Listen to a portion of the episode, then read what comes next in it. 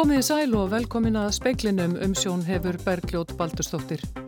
100 manns, þar að 50 starfsmenn landsbítala er í sóttkví í tengslum við koronaviru smiti sem greindist í gær utan sóttkvíjar. Livjastofnun Evrópu segir að færri hafi fengið blóttappa eftir að hafa fengið bóluefnið AstraZeneca en búast hefði mátt við. Það er sagt bæði velvirt og örugt. Minni skjáltavirkni á Reykjaneskaga eins og nú er getur verið undanfari eldgós, segir náttúruvár sérfræðingur á veðurstofu Íslands.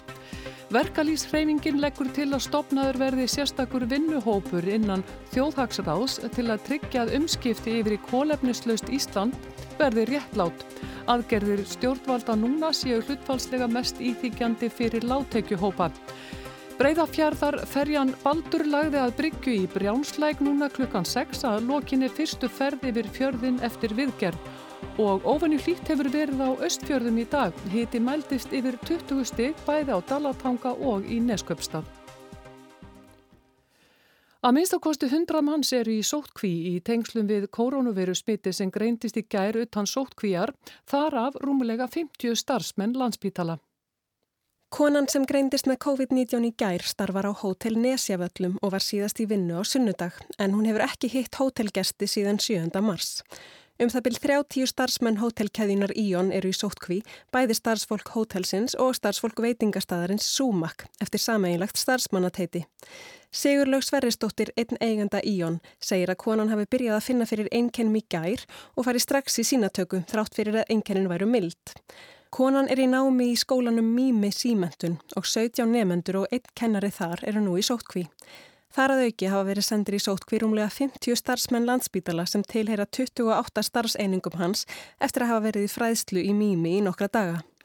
Már Kristjánsson, yfirlæknir á smittsjúkdómadeild landsbítalans og formaður farsáttar nefndar spítalans, segir að hluti starfsfólksins verði skeimaður í dag, aðrir á morgun og allir aftur að sjötögum liðnum. Já, sko, við erum alltaf svolítið uh, áhyggjufulli við því vegna þess að uh, sko, það er ekki allir starfsmenn spítalans bólusettir og, og, og, og það er síðan all, allir sjúklingarnir, það er bara elsta, elsti hópurinn sem er bólusettur.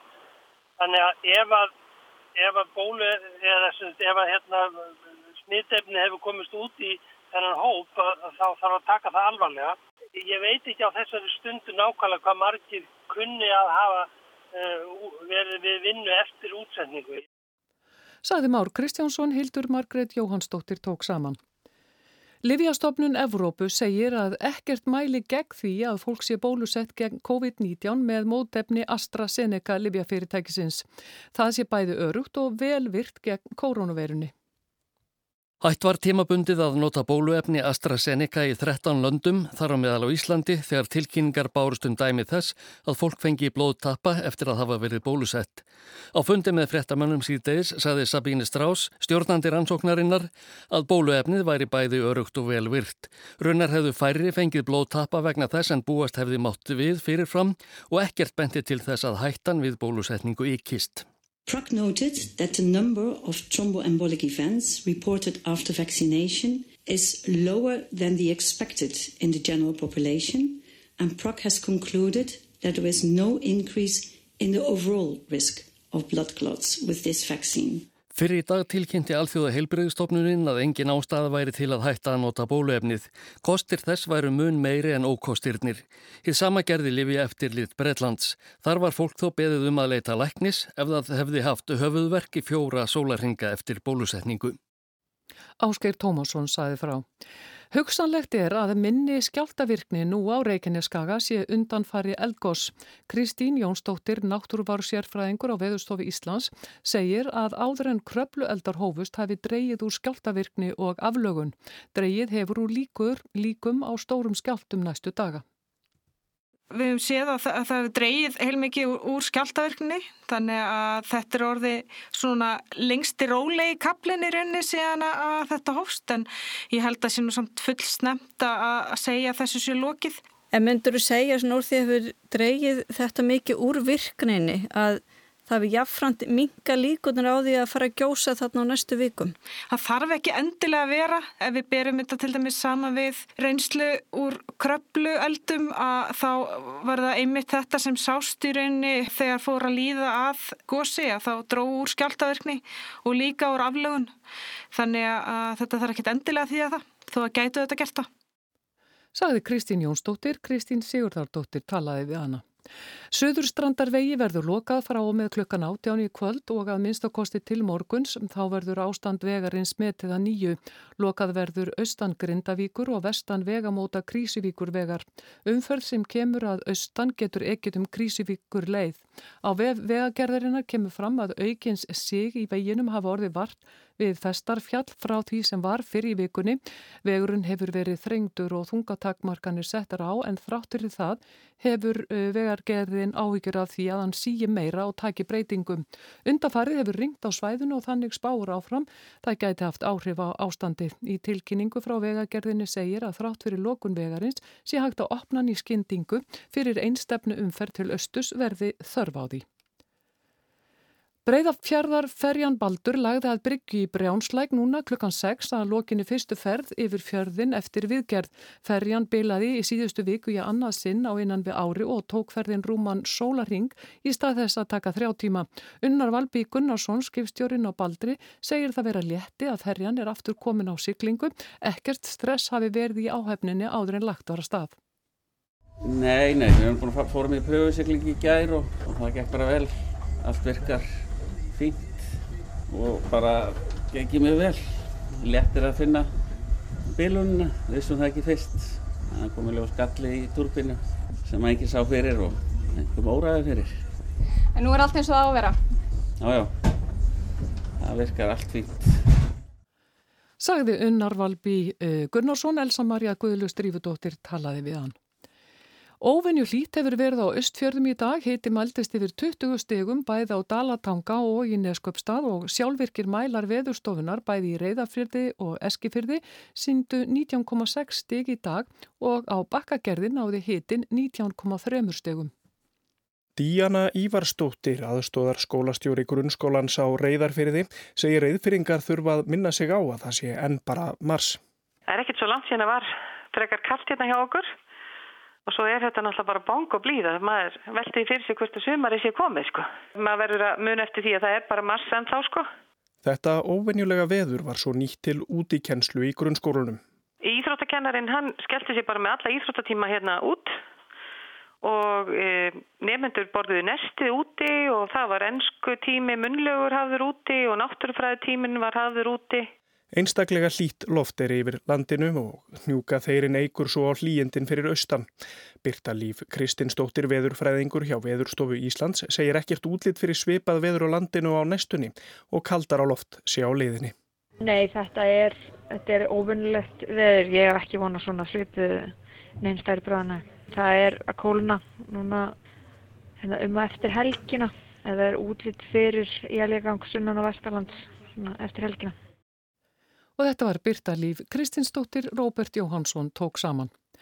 Fjármálaráð herra segir ákverðunum að opna landið en frekar hafa stórkostlega efnislega þýðingu ekki bara í efnahagslegu tilliti heldur líka til að endur heimta okkar fyrra líf.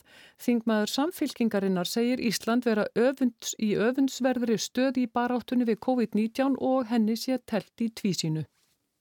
Litakóðunarkerfi tekur gildi á landamærum 15. mæ og reglugerð hefur tekið gildi sem heimilar ferðamönnum frá löndum utan Schengensvæðisins að koma til landsins framvísi þeir gildu bólusetningar vottorði. Með þessu er verið að opna landið meira en áður og um það eru skoðanir skiptar. Guðmundur Andri Tórsson, þingmaður samfélkingarinn að spurði fjármálar á þeirra alþengi í dag hvort góð staða væri áhættunar virði, þótt vissulega menn hefðu trú á bóluefnum og bólusetningum. Það hefur komið fram hjá sóttvarnalækni að það hefði ekki verið haft samráð við hann og hann hefur látið á sér skilja að honum þykir þetta óráðlegt og ótímabært og því spyr ég hæstvirtan ráðherra aftur hvort hann telji að hér hafi verið farið að lögum og hef enga skoðun á því hvort að það kunna standast 12 græn lagana. Ég trúi ekki að háttur þingmaði sé orðin svo mikill formalisti að hann hafi ekki efnislega skoðun á þessu máli. Þetta mál hefur efnislega þýðingu stórkostlega fyrir okkur í ekki bara efnahagslegu tilliti heldur líka bara varðandi frelsi okkar hér innanlands til þess að endurheimta fyrra líf. Saði Bjarni Bendisson og Guðmundur Andri Tórsson á undan honum, Jóhanna Víktis Hjaltadóttir tók saman.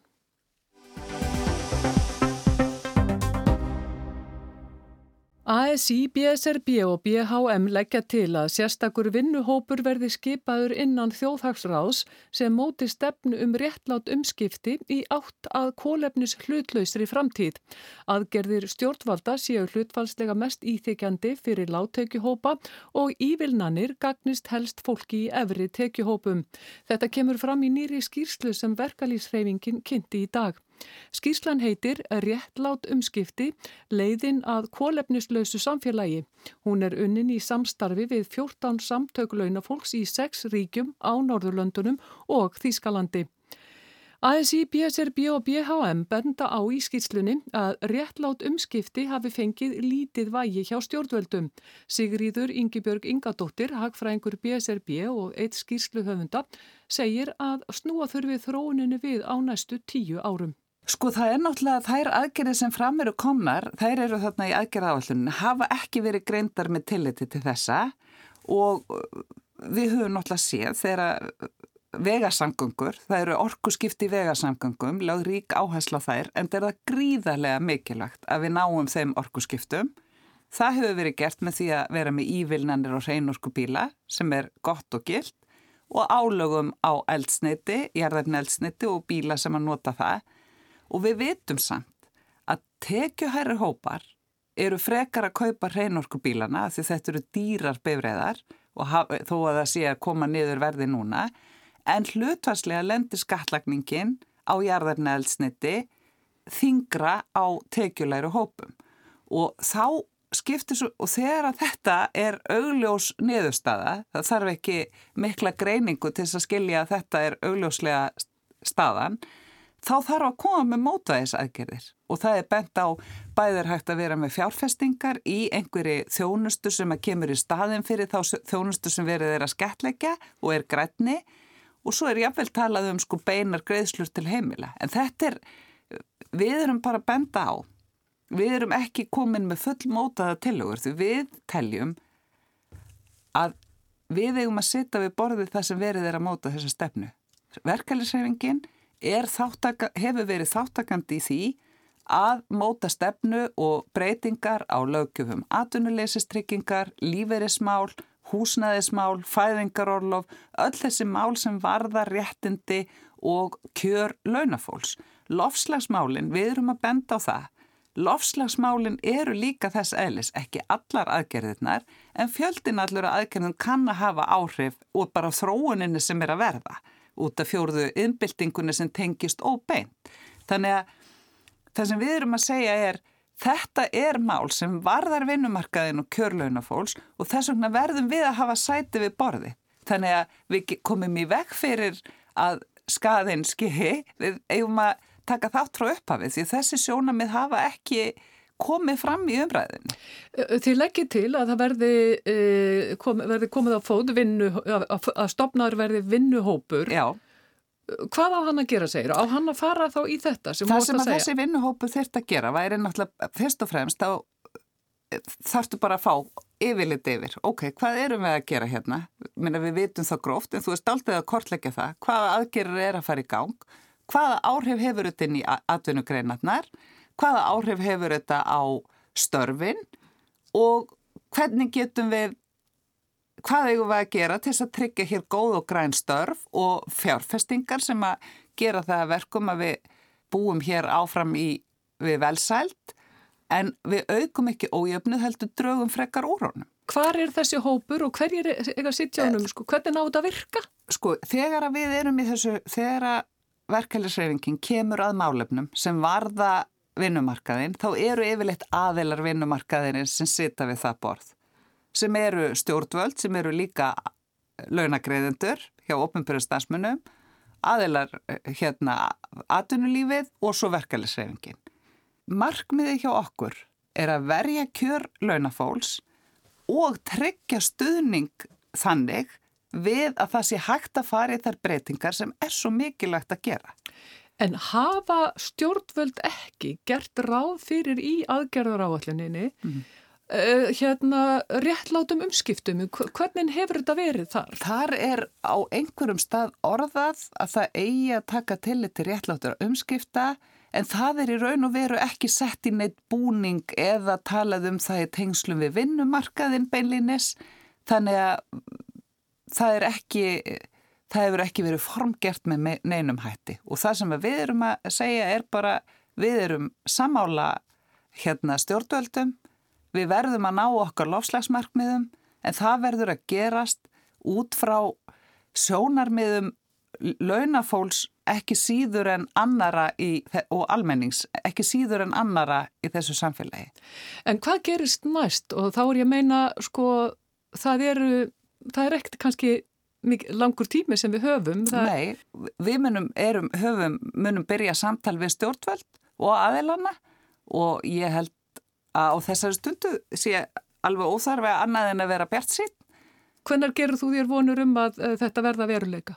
Eh, ég vona að það verði sem fyrst. Við þurfum að vinna hratt og það er það er svo auðvelt að segja sko, já, lofslagsbreytingar eru framöndan, við þurfum að fara í miklar aðgerðir en það eru tíu ár sem við höfum til stefnu. Þetta er mjög skammur tími og samveina og hérna réttlátt dreifing ávinnings sem á kostnaðar er likil atriði til þess að fá allum borð. Og þetta sagði Sigriður Yngibjörg Ingadóttir.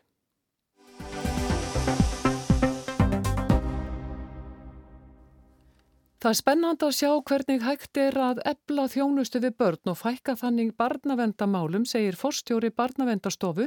Henni líst vel á kerfisbreytingar sem nú er í deglunni og segir þær risastórar. Viðamiklar breytingar eru fyrirhugaðar á þjónustu ríkis og sveitarfélaga við börn. Félags- og barnamálar á þeirra hefur þegar mælt fyrir nokkurum frumörpum og alþingi sem nú eru fyrir velferðanemt. Markmið er að koma börnum sem þurfa einhvers konar aðstóð til hjálpar fyrir en nú er gert. Til þess á að stigskipta þjónustu við fjölskyldur. Allir getur verið á fyrsta stigi og fengi þá svo kallan tengilið til að mynda í heilsugæslu eða í framhaldsskóla og tengiliður á að liðsina fjölskyldunni. Ef barn þarf aukna aðstóð færist á stig 2 eða 3 og þá tekur svo kallaður málstjóri við. Þetta fólk á að hjálpa til við að tryggja að aðstóð sé veitt þvert á kerfi.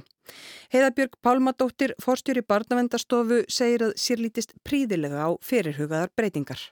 Þetta er náttúrulega sko risastóra kerfisbreytingar í ekki bara félagsþjónustu heldur bara allir þjónustu við börn, alveg sama hvaða sviði það er og eru rauninni breytingar sem við eitthvað neins sem hefum helgað okkur því að reyna að hjálpa börnum hefum séð ákveðna veggi og ákveðna hindranir og hvernig var þetta starfaður í vísi og þessi frumvörp sem erum við búið að leggja fram tala mjög vel saman við það.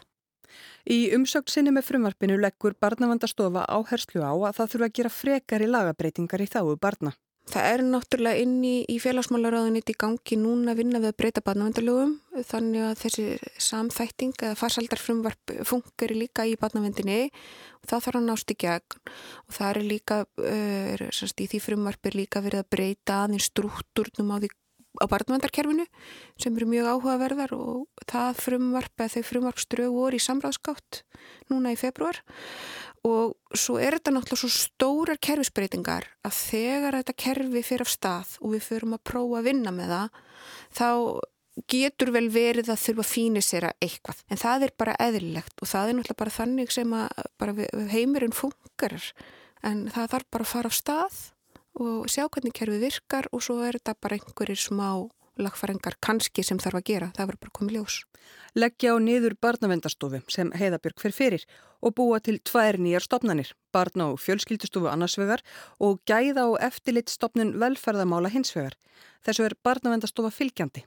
Já, við sjáum bara lógik í því að, að skipta ákveðnum verkefnum upp. Barn og fjölskyldustofu eru falin gríðarlega mörg stór verkefni í svona samhæf og ebla þjónustukerfi barna og þá er kannski ágætt að geta einbeitt sér að því og svo áður um stjórnsýsluverkefnum sem að áfram verða hjá stofnuninni það er náttúrulega minnsti parturinn að fara í raun og veru og svo er bara áhugavert að sjá það í þessari gæð og eftirlitstofnun sem eru verða til. Það er líka verið að ebla eftirlitið mjög mikið í velferðarþjónustu við börn meðal annars. Og það er líka bara mjög brínt og mjög gott að gera það Hlutverk barna og fjölskyldustofu verður að veita og stedja við þjónustu í þá barna, fræða stjórnvöld, gefa át leðbenningar, sjá um uppbyggingu stopnana og sérhæðra úr ræða fyrir börn, standa fyrir rannsóknum og sjá um söpnun og vinslu upplýsinga, svo eitthvað sé nefnt.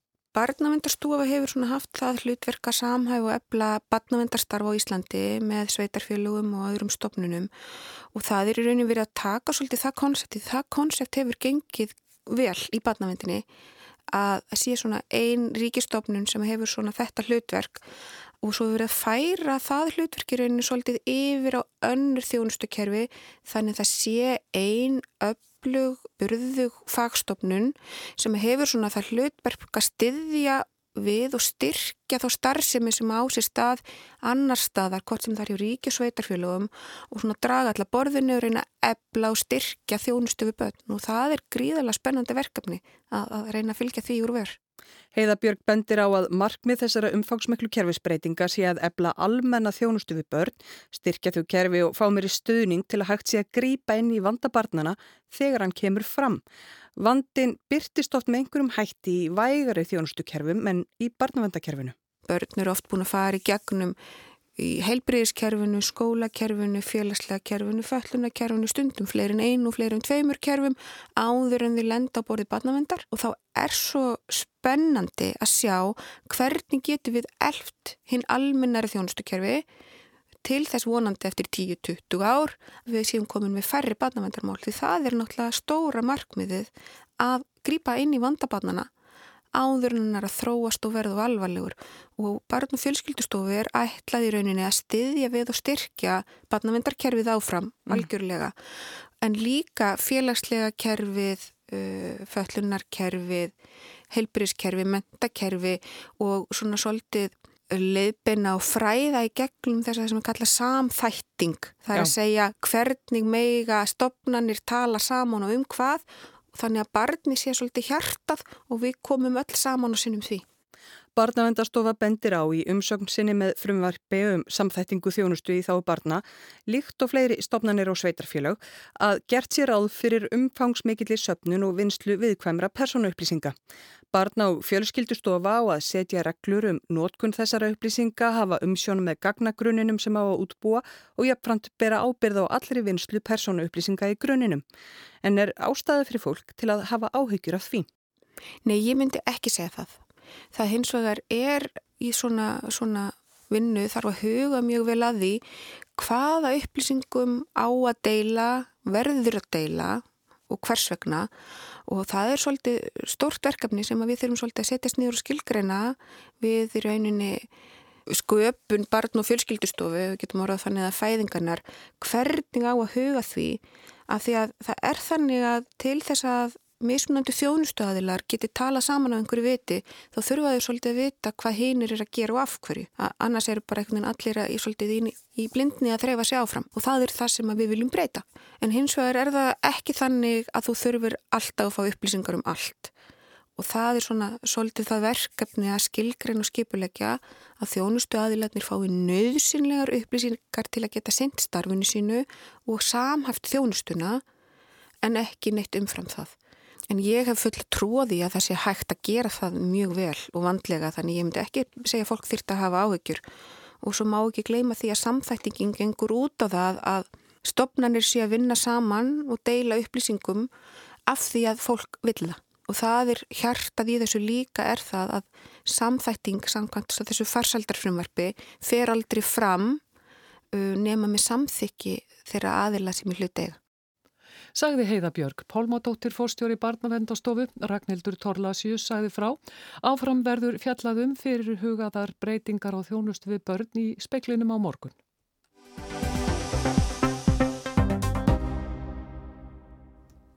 Samtök atvinnulífsins hvetja fyrirtæki til að nýta sér ráðningastyrki til að ráða atvinnulegst fólk í ný störf. Framkvæmda stjóri SA segir að þetta sé sameiginleg nálgun samfélagsins til þess að ráðast á atvinnuleysið. Öll fyrirtæki geti nýtt sér styrkina. Samkvæmt upplýsingum frá vinnumálastofnun eru rétt rúmlega 600 ráningastyrkir virkir í þessu mánuðum. Þeir hafa verið í bóði með ákveðnum skilirðum í langan tíma. Skilirinn rimkast þegar atvinnleysi fer yfir 6%. Þá er miða við að sá sem er áðinn þurf ekki að vera atvinnlaus nefn í einn mánuð. Styrkinir eru veitir til 6 mánuða. Þeim hefur fjölgað nokkuð á nýju ári. Í januar voru veitir tæmlega 100 styrkir og um 150 bæði í februar og í mars. Þegar ráningastyrkur er veittur heldur sá atvinnuleysi áfram atvinnuleysisbótum og atvinnureikandin er greiðir það sem að upp á vandar til að uppfylla ákvæði kjærasamninga. Jáfnframt er greiðir vinnumálastofnur 1,5% af framlagi í lífyrirsjóð þegar atvinnuleysir yfir 6%. Átakið hefjum störf var kynnt í síðustu vikum. Ríkistjóðun ætlar að verja alltaf 5 miljardum til að skapa með 7000 ný störf. Lítil og meðalstór fyrirtæki með alltaf 70 starfsmenni geta sóttum styrkina, einni sveitarfél og ofinbæra stopnanir og loks félagarsamtök. Stuningurinn er talsveit meir enn í hefbundum ráðningarstyrk. Miða er við að sá sem er ráðinn verða að hafa verið atvinnlaus í eitt ára eða meira. Með hverju starfi fylgjum með 472.000 krónur á mánuði auk framlags í lífeyrissjóð. Heldar upphæðin eru með 527.000 krónur með hverju nýju starfi sem ráðið er í.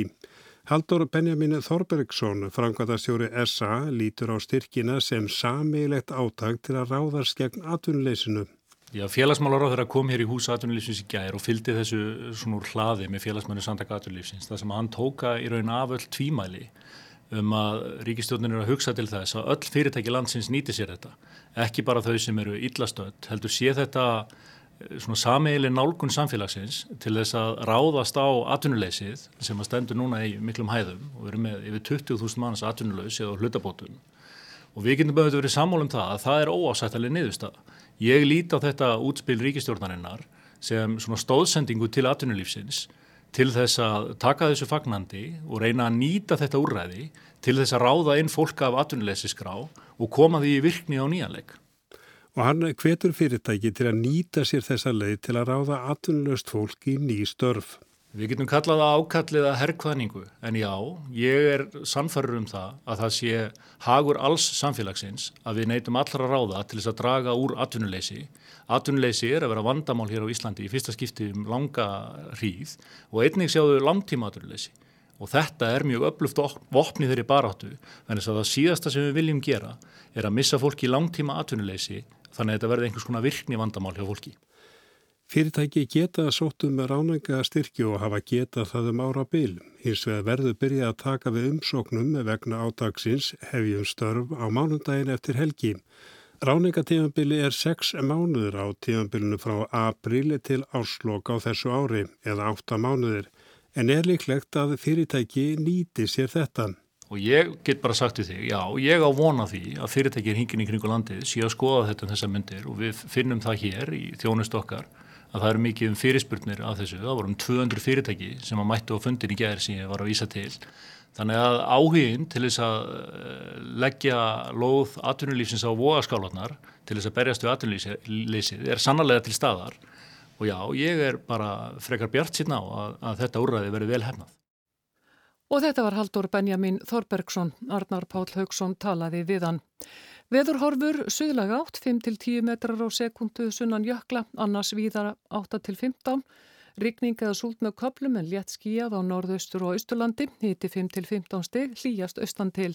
Suðvæslega átt á morgun, víða 8-13 en kvassara í kringum tröllaskaga, rikning með köplum en þurft á austurlandi, kólnar. Og það var helst í speiklinum að 100 manns þar að 50 starfs með landsbítala er í sóttkví í tengslum við koronaviru smitt sem greindist í gæri utan sóttkvíjar. Livjastofnun Evrópu segir að færri hafi fengið blóttappa eftir að hafa fengið bóluefnið AstraZeneca en búast hefði mátt við og minni skjáltavirkni á Reykjaneskaga eins og nú er getur verið undanfari elgós, segir náttúruvár sérfræðingur á Veðurstofu Íslands. Fleiri er ekki speklinum í kvöld. Mark Eldred sendi út verðið sæl.